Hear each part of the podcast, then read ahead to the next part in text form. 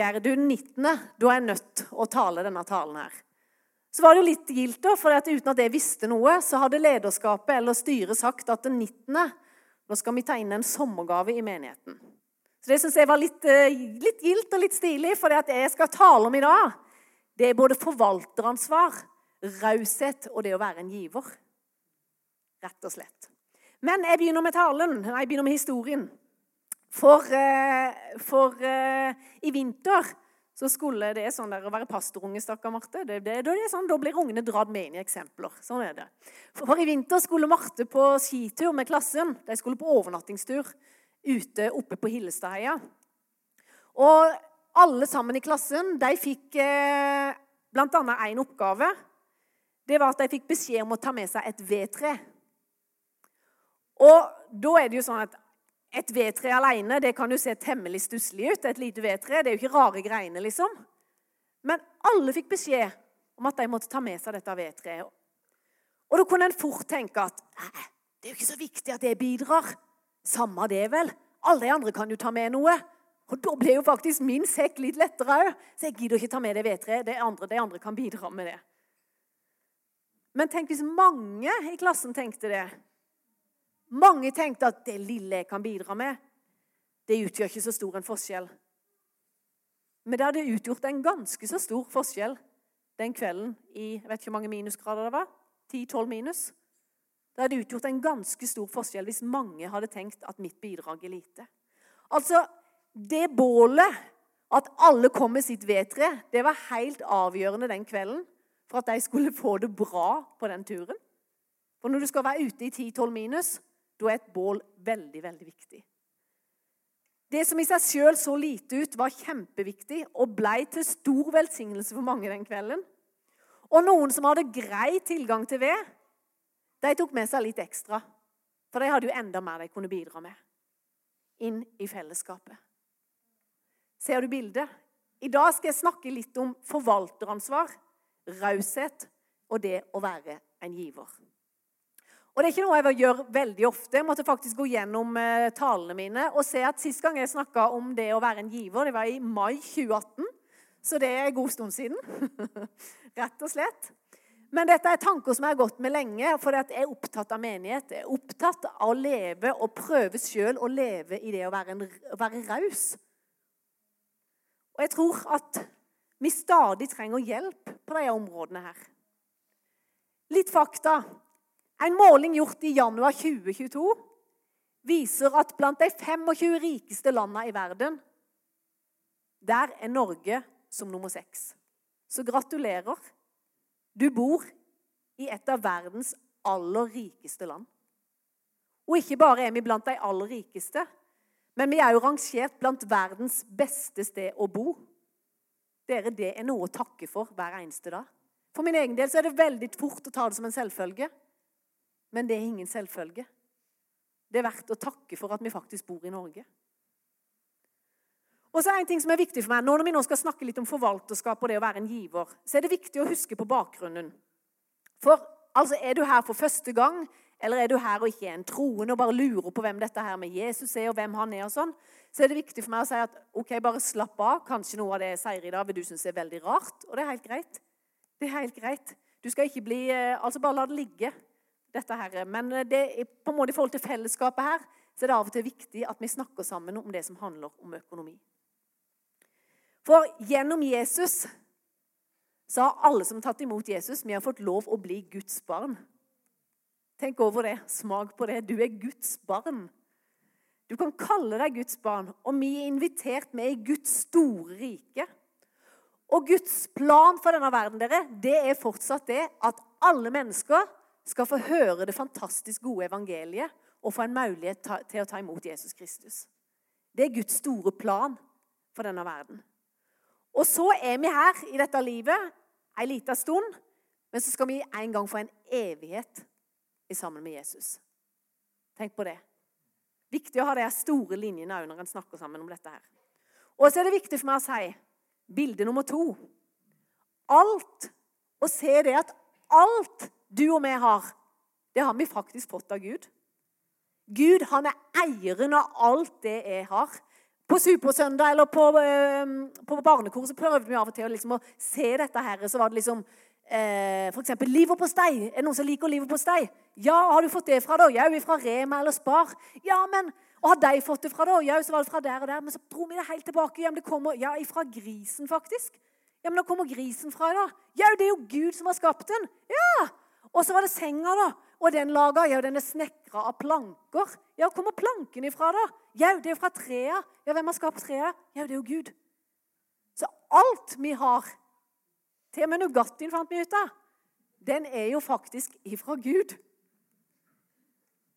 Salme 24. Verden, jorda, alle som bor på den, tilhører Herren. Det er Han som har skapt det hele. Livet er en gave. I Hagai 2,8.: Jordens sølv og gull er mitt, sier herskarenes herre. Og så er det Romerbrevet 11, 33-36. Å, hvilken fantastisk rikdom, kunnskap og visdom som finnes hos Gud. Vi har ingen mulighet til å forstå hans vurderinger og planer. Hvem kjenner Herrens innerste tanker? Du sitter kanskje og tenker at jeg er himla smart, men du klarer faktisk ikke å tenke Guds innerste tanker. Til og med ikke Geir som er hovedpastor. Selv om han av og til tror det. Nei da. Hvem er i stand til å gi han råd, altså Gud? Hvem har noen gang gitt ham noe og fortjener å få noe tilbake? For alt kommer jo ifra ham, og alt opprettholdes ved ham, og alle ting er skapt for ham. Han skal ha æren i evighet. Amen. Fordi Gud fortsatt eier alt det han gir du og meg, så er faktisk vi hans forvaltere. Og det gjelder både våre gaver, vår tid og vår økonomi. Så det er sånn at Gud har gitt oss mennesker en frihet til å bruke det vi har mottatt. Og det å være en forvalter Jeg tenker det er egentlig en enorm nåde. Tenk på det universets herre, skaper. Han har troa på du og meg. Han har gitt oss det forvalteransvaret. Han vet om min svakhet, men allikevel så gir han meg ikke opp. Du vet, I denne verden, hvis det er en som på en måte blir sett på som en dårlig forvalter, en dårlig leder, en dårlig fotballtrener, hva gjør denne verden da? Ja, føyken. Og gir deg sparken. Men takk og lov, sånn er ikke Gud. Han gir oss ikke sparken. Han har trua på oss. Og så får vi lov å begynne på en vei, og så får vi lov å vokse i dette. Men han inviterer oss med i det annerledes riket sitt. Han ønsker at vi skal se at alt vi har, er hans. Det er gitt oss. Og så ønsker han å hjelpe oss til å være gode forvaltere. I dag tenkte jeg å begynne i Nytestamentet og snakke litt rundt eh, det Paulus snakker om i Korinterne. Og så snakker jeg, vil jeg snakke litt om eh, at givertjeneste òg handler om din og min tillit til Gud. Er du med? Ja? Svigermor er i hvert fall med. Det er bra. det er bra. Vi skal til Korinterbrevet, til første Korinterne 16. Ehm, det som Paulus, eh, som er settinga rundt her, det er at uh, han Egentlig så snakker han om uh, å samle inn penger for å hjelpe en menighet i Jerusalem. Og Det er nesten sånn at det kan virke som at uh, de hadde slutta med det der å, å, praktisere det fellesskapet som de gjorde i starten. Det at eiendomsfellesskapet, alt det de på en måte tok, kom sammen med og brukte og delte ut til de som trengte det. kan virke som at de kanskje nesten hadde slutta med det. Og så er det Paulus som da ønsker å si deg noe. Når det gjelder innsamlingen til de hellige, må også dere gjøre det på samme måte som jeg har gitt beskjed om til menigheten i Galatia. På den første dag i uka skal hver av dere legge noe til side og spare det, ettersom han har råd til, for at innsamlingen ikke skal finne sted når jeg kommer. Altså Her har jeg lyst til å snakke litt Sånn som jeg ser det, så er det fire punkter på en måte som det går an å snakke litt om her i forhold til det med økonomi. Så kan du tenke nei, dette her må jo handle om den innsamlinga til, til deg i Jerusalem. Men jeg tror det er noen prinsipper som vi kan lære her i forhold til vår givertjeneste. I forhold til det å være med å bidra og gi, som jeg har lyst til å løfte fram i kveld. Det første som vi leste om her, som, eh, som Paulus sa, det er Han sa at eh, på den første dag i uka Altså, det betyr at det er noe regelmessig. Det er noe fast noe. I vår hverdag så kan det bety den første dagen etter lønning, etter trygd, etter pensjon. Det er ikke sånn at kanskje de fleste her inne får eh, lønn hver uke. Men vi her nå på denne tida får gjerne lønn eller pensjon eller det er trygd. Vi får det én gang i måneden. Dersom en velger å legge fast trekk på dette her, så er det ikke noe du trenger å tenke veldig over. Men Paulus oppfordrer til en regelmessighet, en fasthet. Den første dagen i uka, sa han. Det var en anbefaling fra Paulus' side. På et annet sted i 2. Korinter 9 så sier han enhver skal gi slik han har bestemt seg for i sitt hjerte, ikke motvillig eller av tvang. Bestemt seg for i sitt hjerte. For meg så virker ikke det som det er bare noe sånn impulsivt noe. Det er en bevisst handling, og den er frivillig. Den er ikke av tvang. Men allikevel er det noe regelmessig noe, noe fast noe, den første dagen i uka som Paulus legger opp til. Det var punkt nummer én. Det andre Paulus sier noe om, det er at hver og en av dere, sier han. Hver og en av dere, står det i eh, andre verset i 1. Korinter 16. Altså alle oppfordrer Paulus. Han oppfordrer alle til å være med og bidra. Det Nytestamentet opererer ikke nødvendigvis med en fast prosentsats, det skal jeg komme inn på senere, men oppfordrer oss til enhver tid til enhver tid å vurdere gavekapasiteten vår. Og jeg tenkte det før. Enormt mye lettere det må være for de som er rike, å gi. Det tenkte jeg før da jeg var yngre. Det må være mye lettere vi var nygift og tjente 8000 kroner. Jeg var student, så jeg levde jo på han og et lite stipend. Og så var renta på 14,5. Ja. Så det mm, Ja. Mm. Det, var det, det var det vi levde på da. Og jeg tenkte guri land, hvor mye lettere det er for de som er rike, å gi. Det må jo Gud skjønne. At det går jo ikke an for oss. Det går jo ikke an når vi har 8000 kroner. ikke sant? Men jeg har jo skjønt at nå tjener vi mye mer. Men er det noe lettere å gi nå? Nei. Det er jo ikke det. Det er jo ikke det. Jeg er like girig nå som jeg var da jeg var nygift. Hvis det er helt ærlig. Ja. Det er ikke noe lettere. Men jeg trenger faktisk hjelp. Jeg trenger anbefalinger fra Guds ord for å beskytte meg fra bare å være egoistisk og girig. Hvis vi er helt ærlige, så er vi Kanskje du er veldig annerledes enn meg. Men i hvert fall så er, blir jeg veldig opptatt av den der ha-sjuka og skulle ha. Og jeg trenger hjelp til regelmessig og fast å gi noe. Og når vi var nygift og tjente 8000 kroner, så trengte vi hjelp til å være det at vi ga først. Det var ikke lett for oss da. Det var det ikke. Med å gi så tror jeg vi kan hjelpes et stykke på vei til å gi slipp på pengebegjær og egoisme. Og det står jo at kjærlighet til penger er roten til alt ondt. Og jeg har som sagt dårlig motstandskraft mot havesyke. Så jeg tror bare det er én medisin som virker mot denne sykdommen, og det er å gi. Men så er det viktig at Paulus han snakker også om i andre korinterne så snakker han om rekkefølgen av det å gi. Og det er viktig å få med seg. For han snakker om at først Han snakker om en menighet som først ga seg til Herren, og så til hverandre. Det er noe med å se det der det handler om meg og Gud. Det handler om at han har gitt meg alt. Og i kjærlighet og takknemlighet til han så kan jeg få lov å gi videre. Og gi tilbake. For det er jo han som har skapt alt. Det er han som på en måte har gitt meg alt. Så kan jeg få lov å vise til han da. At jeg er takknemlig, så kan jeg få lov å være med og gi tilbake til han. Først til Herren, og så til hverandre. Punkt nummer tre som Paulus kan peke på, det står altså om det, Han sier altså på den første dagen i uka, og hver og en av dere, sa han, legge noe til siden. Altså igjen så tror jeg det er noe med at det er et planlagt givertjeneste, et forvalteransvar. For som jeg sa, Eol og vi, i begynnelsen så hadde vi lett for å tenke motsatt. For det er bare vi fikk betalt de faste utgiftene, bare vi fikk kjøpt mat, potetgull, morgen potetgull, bare vi fikk kjøpt det vi skulle ha, så til slutt, hvis det var noe igjen, så kanskje vi kunne gi til Gud eller til menigheten, da.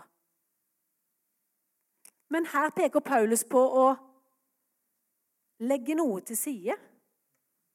Planlagt givertjeneste. Altså, vi tenker det motsatte. Men Bibelen kaller oss til å prioritere gavene like høyt som alle andre behov. Og la dem være en del av våre faste utgifter. Og Da tror jeg vi må lære oss å legge de pengene til side når de kommer inn på konto. For det å skulle gå i minibanken når vi tjente, eller han tjente 8000 kroner, og da skulle gå i minibanken og ta ut på slutten av måneden Det var ikke så veldig mye å ta ut, for å si det sånn. det var det ikke. Men det rare var at når vi valgte å gi det først, at det skulle være det første vi trakk Når vi på en måte gikk inn på fast givertjeneste, så var det ikke sånn at det var noe mindre igjen når måneden kom, når det var slutten av måneden. Det er noe med Guds prinsipper som ikke jeg kan forklare, men det er annerledes. Guds rike er annerledes enn våre hauger. Ga, vi ga til Han først.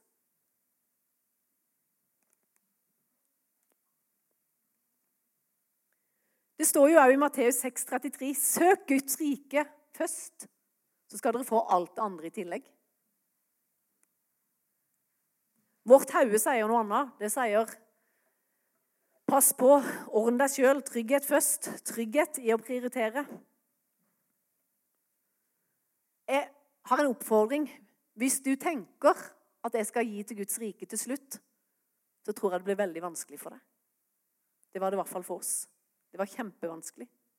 Det var i grunnen ikke så mye å gi, rett og slett.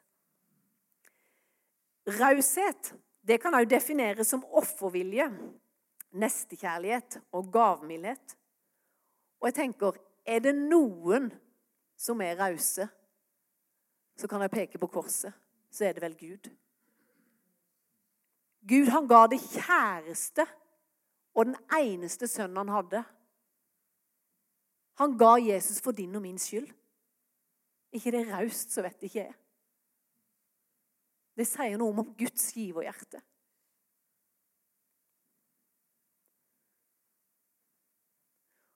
Og det motsatte av å være raus det kan vel defineres som å være selvopptatt og girig. Og Det kan være snakk om raushet i forhold til både penger, men også i forhold til tid, materielle goder og menneskelige ressurser. Hvorfor skal vi velge raushet, da? Hvorfor leve så raus og være med å gi og bidra? Jeg tror at raushet det setter oss fri fra en hel masse ting som så lett vil ta vårt fokus, vår energi og vår oppmerksomhet. Og jeg tror det å være raus og være en giver det kan hjelpe oss mot materialisme, grådighet, gjerrighet, selvopptatthet. Noe som jeg tidligere sa er vanskelig å innrømme at vi har i våre liv. Men vi har vel noe av det alle mann. Og Så tror jeg det å leve i raushet, det er en livsstil. Og jeg tror en må ta valg for å komme dit. For det er ikke bare sånn at bing, så skjer det. Oi, nå var jeg en raus. Nå er nå jeg raus. Nå ble jeg en iver. En må ta valg. Kanskje er det derfor Paulus skriver 'legg til side'. For vi må gjøre valg på åssen På valg på både handlinger og åssen vi vil forvalte våre penger. Er penger farlig, tenker du? Å nei, wow, jeg må ikke ha penger. Nei, det er ikke farlig å være rik eller å ha materiell rikdom. Det, svaret på det er helt klart nei, det er ikke farlig. Men det som kan være farlig, er når kjærligheten til pengene blir den første prioriteten i livet våre. Jesus han tok jo opp dette med kjærlighet til, til mammon eller penger. Og jeg tror igjen at det å være raus og være en giver hjelper oss og beskytter oss mot det. For raushet det minsker kjærligheten til penger fordi andre mennesker og Guds rikes framgang det blir viktigere enn bare at jeg skal ha og jeg skal ha og jeg skal ha. Det siste punktet Paulus sier noe om, det er ettersom dere har råd til, sier han. Gi ut ifra evne.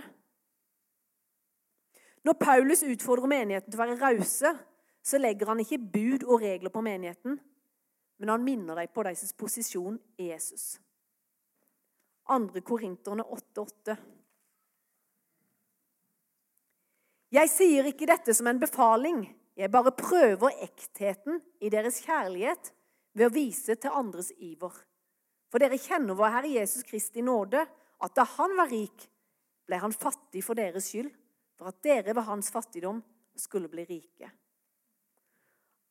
Altså raushet ikke basert på lydighet mot loven, men mot kjærligheten som Den hellige ånd legger ned i våre hjerter. Vi får se hva vi har fått i Jesus Kristus. Hvem Jesus er, hvilken enorm gave han er inn i våre liv. Så ønsker vi å være med og bidra til at andre mennesker skal få tak i dette livet. Og da er det noe med det at penger er en del av det å nå ut med Guds rike òg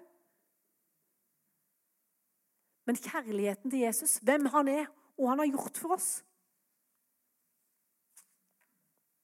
Og Det er nesten litt snålt å lese både i Markus 12 og Lukas 21.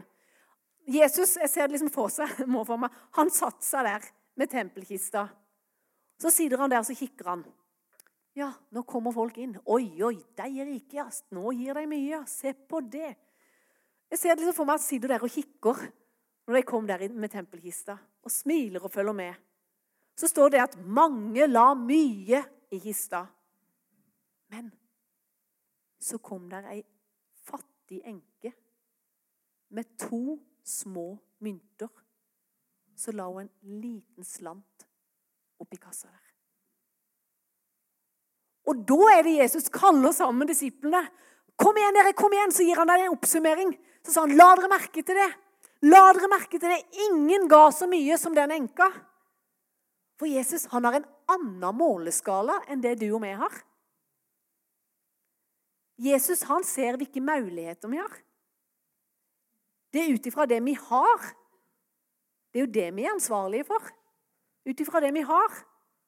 Da handler det ikke om hvor mye eller lite du har, men om vi bruker det vi har, og gir det fra oss med glede.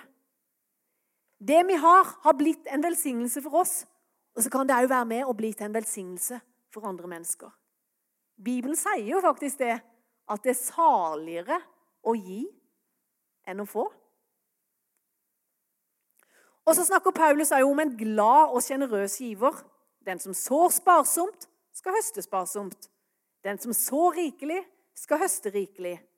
Og så står det videre at Gud elsker en glad giver. Men hvis du er lik meg, så kan det hende at du òg kjemper en kamp på de områdene her. Og ikke alltid er så veldig blid når du skal være med å gi. Vi kan av og til kjenne oss langt ifra glade når vi skal være med å gi. For det gamle mennesket i oss, det liker veldig dårlig å dele. Eller er det bare meg? Jeg kan av og til veldig dårlig like å dele. Nesten som en unge på fem år. 'Det er min! Det er min!'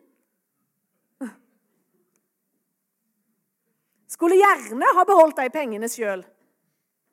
Enka hun viser at hun ga seg helt over i Guds hender med sitt liv. Jeg syns det er vanskelig av og til. Nå skal Jeg være, jeg hørte det at på Ansgar-skolen så lærer de det at de kan være personlige, men ikke private. Men jeg har jo ikke gått på Ansgar-skolen, så da trenger jeg ikke tenke på det. Men eksempel i dag så er det jo en sommergave her i menigheten. Og så er det sånn at, eh, at Vi har jo litt skau hjemme hos oss, så i år har vi hogget litt ekstra. og Det betyr at vi har tjent litt ekstra. Eh, og så på en måte kom jo det der med at eh, ok, da skal en jo kanskje gi litt ekstra til menigheten. Da passa det jo når det var en sommergave og sånn. Men så er det bare det at her for litt siden så er det det at jeg har ikke bare barnestørrelse i sko, jeg har barnestørrelse i kjeve òg. så jeg fikk beskjed av min tannlege for en stund siden at uh, det er en del jobb å gjøre inni denne kjeven, fordi at mine tenner flytter veldig på seg.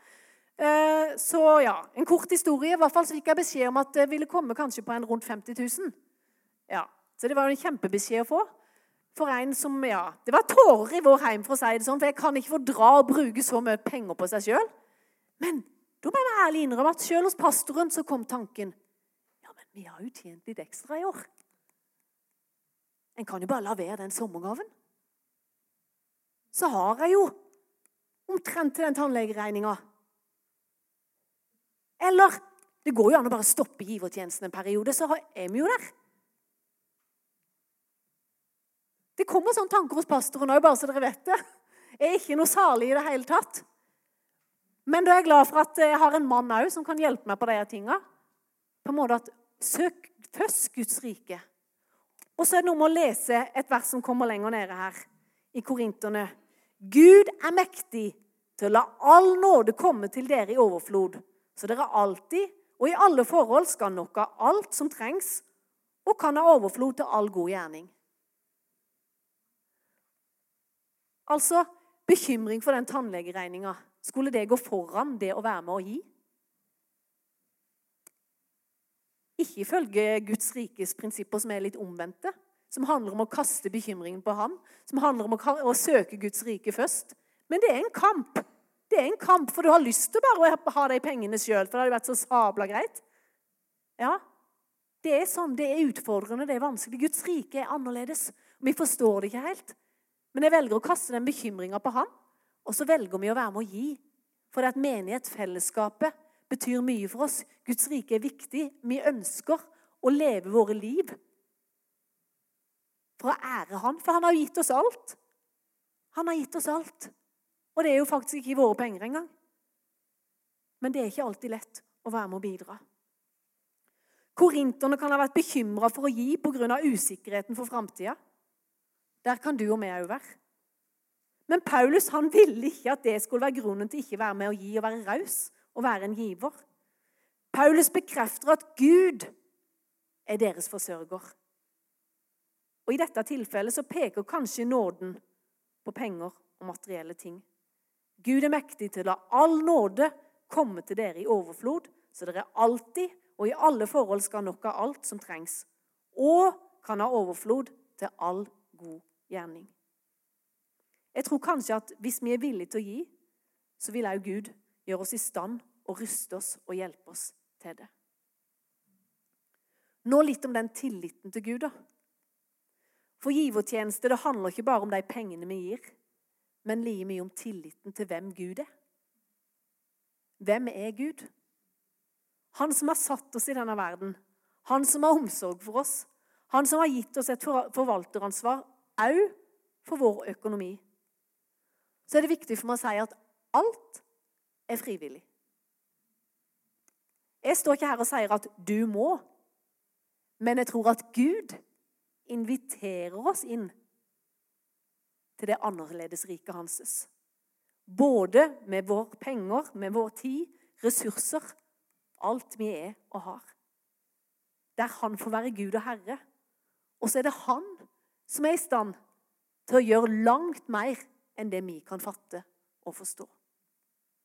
Det kan virke som at det fins et prinsipp som Gud har lagt ned i sitt ord og i sitt skaperverk. At hvis de av oss som har sagt ja til Jesus, som vil følge han, hvis vi vil bidra med det vi har av ressurser og penger, så skal det være nok av alt som trengs, og overflod til all god gjerning. Det sier jo Guds ord. Det er ikke mine ord, det er Guds ord. I Gamle Testamentet, på profeten Malaki sin tid, så kan det virke som at folket hadde glemt litt hvem Gud egentlig var. Og de begynte å stille spørsmål om det at eh, nytter det egentlig å følge den loven som er gitt med Moses? Er det så nøye med alt som er anbefalt? da? Er det så nøye med alt det som er sagt? Holdningen ble endra. Men så kan vi se at den røde tråden i Malaki det er en påminnelse om Guds godhet og trofasthet over sitt folk men òg en formaning til å, å omvende seg og begynne å følge Guds befalinger. Vi kan lese det i eh, kapittel 3. Det, kapittel 3 der, eh, vers 10 det er vel et av de mest brukte når det gjelder eh, versene når det gjelder økonomisk drift i menighet. Men det som står der, er Bring hele tienden inn i lagerhuset, så det kan være mat i mitt hus. Prøv meg nå i dette, sier herskarenes herre om jeg ikke vil åpne himmelens sluser for dere og utøse en slik velsignelse for dere at det ikke er rom nok til å ta imot den. Det er noen voldsomme ord. Og det kan jo virke som at Gud han har et lagerhus i verden i dag. Og det er menighetene. Vi i Froland misjonskirke vi ønsker å være med på det Gud gjør her i Froland og langt utover Froland. Det er, vårt, det er vår drøm, det er vår lengsel, det er vårt ønske. Vi vil ha gudstjenester, vi vil ha trosopplæring for barn og ungdom. Vi vil hjelpe mennesker med samtale, med sjelesorg. Vi vil hjelpe mennesker i forhold til ekteskap. Vi vil bety noe for bygda vår. Vi vil drive misjon i Pakistan. Vi vil ha kor for alle. Vi vil ha fredagskafé, barnekor, AMJ. Og vi har en fantastisk flott bygning, dere, som vi vil ta vare på. Har du tenkt over Guds trofasthet? Over forvalteransvaret til mennesker her opp igjennom i generasjoner, når du ser de tre kirkene som ligger på rad og rekke etter hverandre her. Det vitner om Guds trofasthet, og det vitner om mennesker som har villet gi av sin tid, sine krefter og sine penger for å være med å bygge Guds rike i Froland og langt utover Froland. Det kan være nok mat i Herrens hus hvis vi vil være med å bidra, sier Guds ord. Hvis vi velger en aktiv handling med å faktisk å være med og delta. Ja, jeg tror vi kan ha bønnemøter, vi kan sitte og be til vi er blå eller grå eller røde i ansiktet. Men det handler jo til sjuende og sist om om vi vil handle. Om vi vil være med og bidra. Bildet jeg starta med, en vedkubbe til bålet. Vil du bidra med din vedkubbe til bålet? Det er ikke mine ord, og jeg tør å være frimodig unna det er Guds ord. Ja, jeg syns det er skummelt å stå her og snakke om det, men jeg tør å være frimodig, for dette er Guds ord. Og Det verset i Malaki det er ganske unikt, for det står at vi kan prøve han.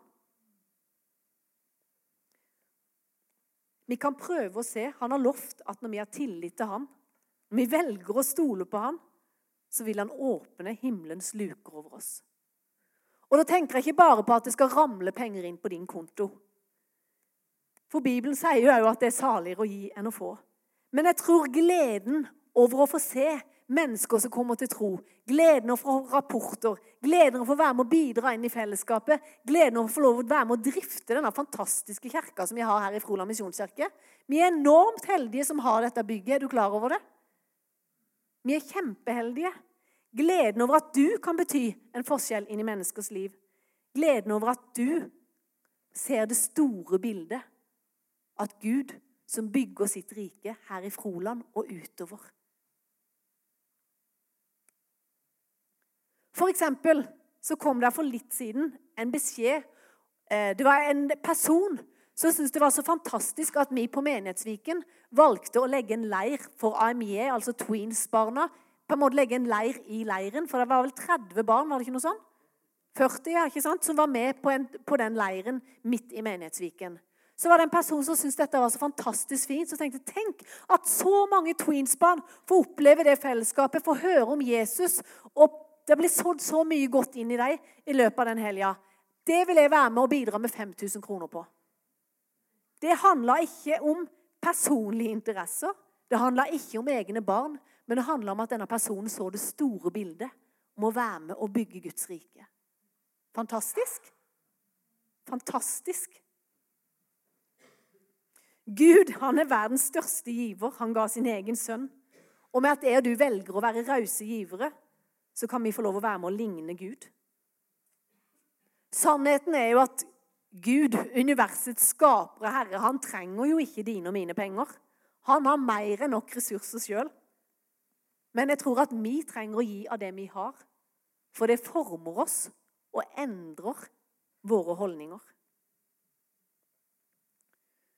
Men når vi, rause, så, når vi ikke er rause, mener jeg, så handler ikke det bare om at ikke vi vil. Men òg som sagt om at vi kan være utrygge og redde. Vi kan bekymre oss over hva vil skje hvis jeg gir til Guds rike istedenfor å bygge meg en trygg plattform i forhold til det økonomiske sjøl. Det handler om den tilliten du og jeg har til Gud. Og Her tenker jeg at her skal vi absolutt få lov å vokse. Jeg har trengt å få lov å vokse på de områdene der. For det kan være skummelt. Men så tror jeg òg at en, vi må velge en livsstil Og en må velge å øve seg og strekke seg på de områdene. For vår del så handler det om å på en måte først tore å gi, eh, gi vår tiende av de første pengene som kom inn. Det var skummelt. Og det begynte med at vi skulle gå i banken på slutten av måneden for å se om det var noe, men da var det veldig lite. Så torde vi å begynne å gi først. Og da oppdaga vi jo at faktisk var vi ikke tomme i slutten av måneden. Men så handler det om å få lov å vokse i dette og få lov å på en måte ta nye steg. Og en, en greie er altså F.eks. bare det at når jeg begynte i menigheten her, så visste ikke jeg det var sånn at at eh, frimenigheter eller frikirker Det var på en måte ikke sånn at alt var bare lønn var betalt og ting var Jeg trodde vi fikk mye mer penger. For jeg visste ikke noe om det. Og det, sånn er det kanskje nå òg. Mange tror at staten er inne og dekker mange av våre utgifter. Men det er jo ikke sånn. Det er sånn det er nå.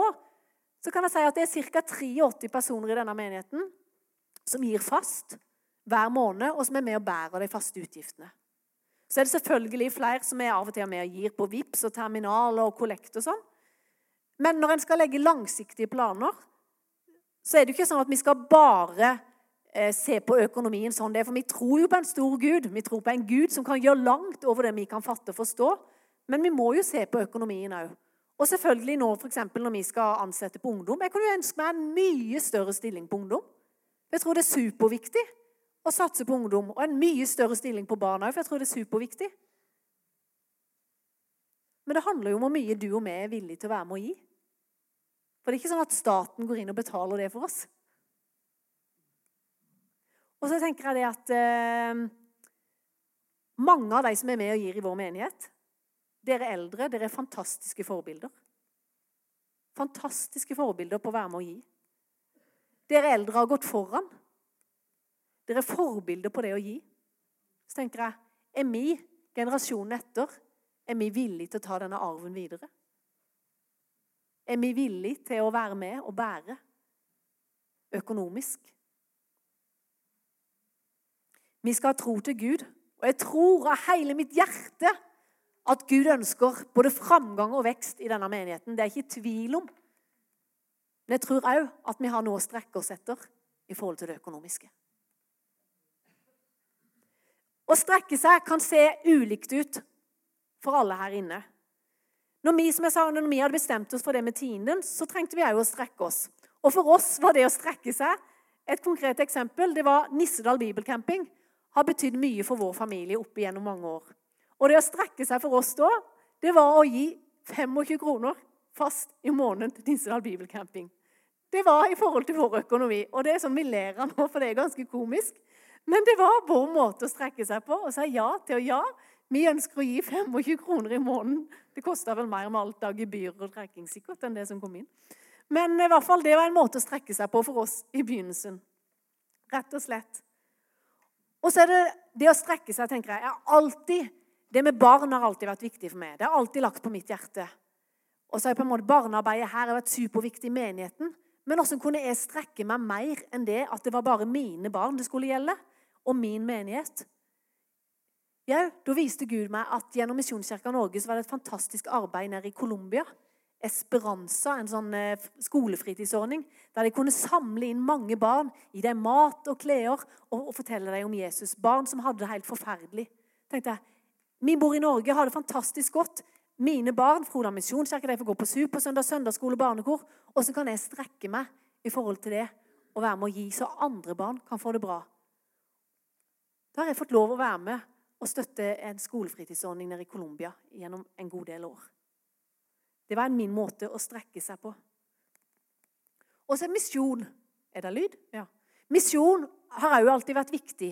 Eh, og vi har mange, gjennom mange år vært i Saronsdal på sommeren, på, på sommerstevnene der. Og så var det jo sånn at Vi har ikke alltid hatt sånn konkret misjonsarbeid her i Frona misjonskirke. Men kunne vi ikke være med på misjon, da? Ja, selvfølgelig kunne vi det. Utover det å gi 10 til menigheten, så trengte vi å strekke oss. Og da var det noe med misjon eh, gjennom Saronsdal. Da er vi fantastisk heldig. Da kunne vi sitte på Laurak. Så kunne vi få lov å være med på misjoner i Burkina Faso. Og nede i India og nede i Pakistan. Fullt av plasser. Så kunne du kjenne at jau, vi er faktisk med på misjon der nede. Mennesker som aldri har fått høre om Jesus. Det kan faktisk vi være med på med å sitte på Laurak. Det er jo ganske fantastisk. Tenk på det. Og det tror jeg nå er den lønna som en faktisk skal få når en kommer til himmelen. Jeg ser for meg, Plutselig kommer det en inder. 'Hallo, Kristine', liksom. Du var med og gjorde at jeg fikk lov å bli kjent med Jesus. Tenk på det, da. Det kan være noe av lønna. Roald smiler. Jeg gleder meg til den dagen jeg kommer til himmelen. Jeg tror det kommer til å bli mange overraskelser.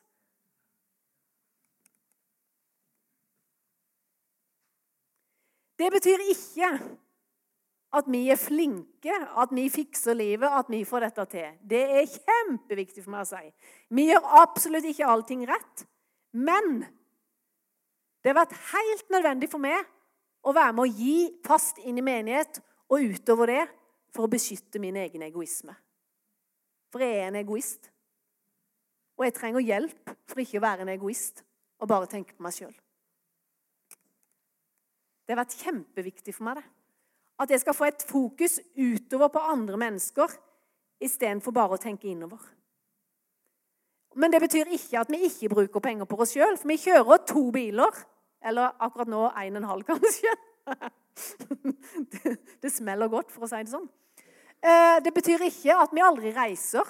Jeg tror jo Gud vil at vi skal ha det bra. Gud vil jo at vi skal, Han elsker oss jo, han unner oss jo med mye gode ting. Men han vil bare ikke at vi bare skal tenke på oss sjøl. Vi reiser til Syden. Vi må kanskje spare litt lenger, men det går veldig fint. Vi bytter kjøkken. Vi bytta kjøkken for noen år siden. Da hadde vi hatt det andre, det var fra 70-tallet. Og jeg ble jeg noe lykkeligere? Nei, jeg ble ikke lykkeligere, men det er jo veldig greit når du åpner den ene skapdøra, så detter ikke den andre rett ned. Det er jo fantastisk at du bare kan liksom åpne dørene vanlig. Men jeg tror noe med det at det å på en måte ha, kjenne et forvalteransvar på de områdene òg jeg kjører en gammel Honda 2013-modell som har gått 172 000. Men jeg behandler den fint. Jeg vasker den faktisk minst én gang i uka. Jeg tenker jeg har et forvalteransvar for den òg. Og jeg har akkurat malt huset mitt. Det er noen hundre år gammel, den kledninga. Men de har søren meg tatt godt vare på den, de som hadde det før. Så nå maler jeg det, sånn at det skal holde seg godt til de som kanskje skal ha det seinere. Jeg har et forvalteransvar på det jeg har, og prøver å ta vare på det. Talen i dag dere, den er ikke meint som noen fordømmelse. For at du skal sitte her og Uff, enda en ting jeg skal gjøre. Jeg orker ikke mer. Men jeg tror det er at Gud inviterer oss med inn i sitt rike. Et rike der vi skal få lov å se at han er Gud. Han er vår forsørger. Han er den som opererer i et annerledes rike. Der vi skal få lov å vokse, der vi skal få lov å oppleve hans under. Der vi skal få oppleve og se at han virkelig er Gud. Han er, han er helt enorm. Jeg hørte, hadde, ikke, hadde ikke visst eh, på en måte hvem de menneskene var jeg skal gi et eksempel, Hadde jeg ikke visst hvem de var og kjent dem, så hadde jeg i grunnen ikke trodd på det. For de forklarte det at de hadde en, en periode så hadde de dårlig økonomi i sitt ekteskap. Og de ba og ba og spurte Gud hva skal vi gjøre for noe. Dere skal gi vekk bilen. Ja, det var jo fantastisk. Det var liksom det de kunne tenke seg å gjøre. Gi vekk bilen. Det er det du har lyst til å gjøre når du har dårlig økonomi. Men så gjorde de det, for de opplevde det så tydelig at Gud sa dere skal gi vekk bilen. Så opplever de at de får en ny, mye finere og bedre bil. De får det.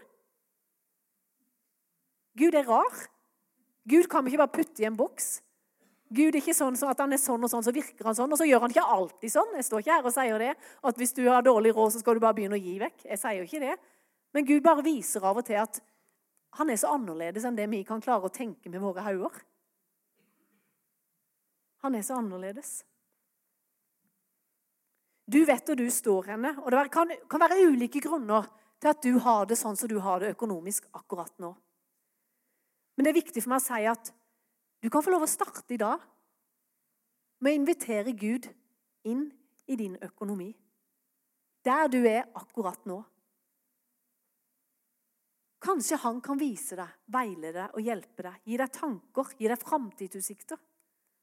Han ønsker å være din og min forsørger. Har vi egentlig noe som ikke er gitt oss av Gud? Tilliten til Gud kan få vokse på de områdene i våre liv. Og kanskje trenger vi i dag å nettopp se det og rike vi egentlig er, og om vi har fått for noe i form av både frelse og materielle gaver. Og når vi ser hva vi egentlig har, så er det kanskje det at Gud ønsker å utfordre oss litt på. Åssen skal vi forvalte det? Kanskje noen i kveld trenger å ta valg bare på det å begynne å være med og gi. Være med og tore å gi til Guds rike først, og ikke aller sist, eller ikke gi i det hele tatt. Kanskje Gud utfordrer noen på det i dag? Kanskje Gud utfordrer noen til å øke sin givertjeneste? Jeg vet ikke. Dette er ikke vi som skal stå her og si hva du skal gjøre. Nå skal vi etterpå søke Gud, den enkelte. Den enkelte kan være sammen med Gud og spørre. Men så tror jeg jo at det er viktig at vi på en måte får trospraksiser og handler. Og som jeg sa, vi kan sitte på bønnemøte og be til vi er helt røde. Men jeg tror det handler om at vi ser hva vi har fått, og vi kan være med å bidra med i fellesskapet. Så hvis lovsangene kommer opp nå, tenkte jeg at vi rett og slett skal bruke litt tid sammen med Gud nå. Så kan du snakke med han der du er. Og mange her er med og gir kjempemye i utgangspunktet. Så det at bare vær sammen med Gud og så bare takk han for at eh, Takk han for åssen du har det. Takk han for din økonomi. Takk han for at eh, vi får være hans forvaltere. Dette er ingen press, det er ingen fordømmelse. Jeg bare tenker, Nå skal vi bare være sammen med Gud. Og så vil det òg bli gitt en konkret, konkret uh, mulighet til å være med å gi nå etterpå. Uh, i, løpet av, I løpet av sangene nå som kommer, så kan du uh, som har lyst å være med å gi en sommergave til menigheten. Det kommer opp vips nummer eller det kommer opp ter terminalen ute i gangen. Og så er det jo sånn at Sigbjørn, som har ansvar for økonomien i menigheten, han er det mulig å kontakte etterpå. Hvis du tenker at Gud minner meg på noe jeg ønsker å være med og bidra, så kan du ta en konkret handling på det etterpå, og så, og så hjelper han deg i forhold til det med å være med og være en fast giver. Takk, gode Gud, at du er vår forsørger. Takk, Gud, at ingenting av det vi har, det har vi jo på en måte fordi vi har ordna det sjøl, men du er den som er vår skaper. Du er den som er vår Herre. Du er den som har gitt oss alt. Du har gitt oss livet. Du har gitt oss alt det som vi omgir oss med. Gode Gud, jeg bare ber om at du må hjelpe oss. Hjelpe oss til å se hva du har velsigna oss med. Hjelpe oss til å se hva vi har fått, og hva vi har fått tilgang til i våre liv. Og jeg bare takker deg, Gud. Takker deg, Gud, for at du er den største giveren. Du som ga din egen sønn for vår skyld. Jesus, jeg ber om at du må hjelpe oss, som i kjærlighet kan få lov å gi tilbake til du, far. Av vår tid, våre penger, må du hjelpe oss til å være gode forvaltere. Takk at du inviterer oss. Du inviterer oss inn i et annerledes rike. Et rike som ikke vi klarer å tenke ut med våre hauger, men et rike som er så annerledes. Hjelp oss til å søke ditt rike først, far. For da har du lovt oss at vi skal få alt det andre i tillegg. Men du vet hvor vanskelig det kan være. Du vet hvor skummelt det kan være. Men hjelp oss til å bygge gode vaner. Hjelp oss, Gud. Og jeg trenger det i mitt liv. For det er så fort at jeg blir så egoistisk. Det er så fort at jeg bare tenker på meg sjøl. Eller å bare samle meg enda mer rikdom. Men Jesus, takk at det handler ikke om hvor mye vi har eller lite vi har. For denne enka kom med sine to små mynter. Jesus. Jesus, takk at det er ingen fordømmelse. Men Jesus, du ønsker å invitere oss inn på denne reisen, Jesus. Der vi kan få lov å se dine velsignelser over vår økonomi òg, Jesus. Jeg ber deg for de som syns dette er vanskelig, og som sliter, Jesus. Jeg ber deg om løsninger, jeg ber deg om gode veier, Jesus. Jeg ber deg, Jesus, om at du skal hjelpe de som frykter og er redde, Jesus, på dette området. Du har jo sagt, Gud, at du er vår forsørger. Jesus Kristus, jeg ber deg, Jesus, om dine mirakler inn i menneskers liv, som kjenner at dette er vanskelig og utfordrende. Kom bare og vis deg som Gud, vis deg som Herre. Å, kom, far, bare med din trygghet som bare du kan gi. Jesus Kristus.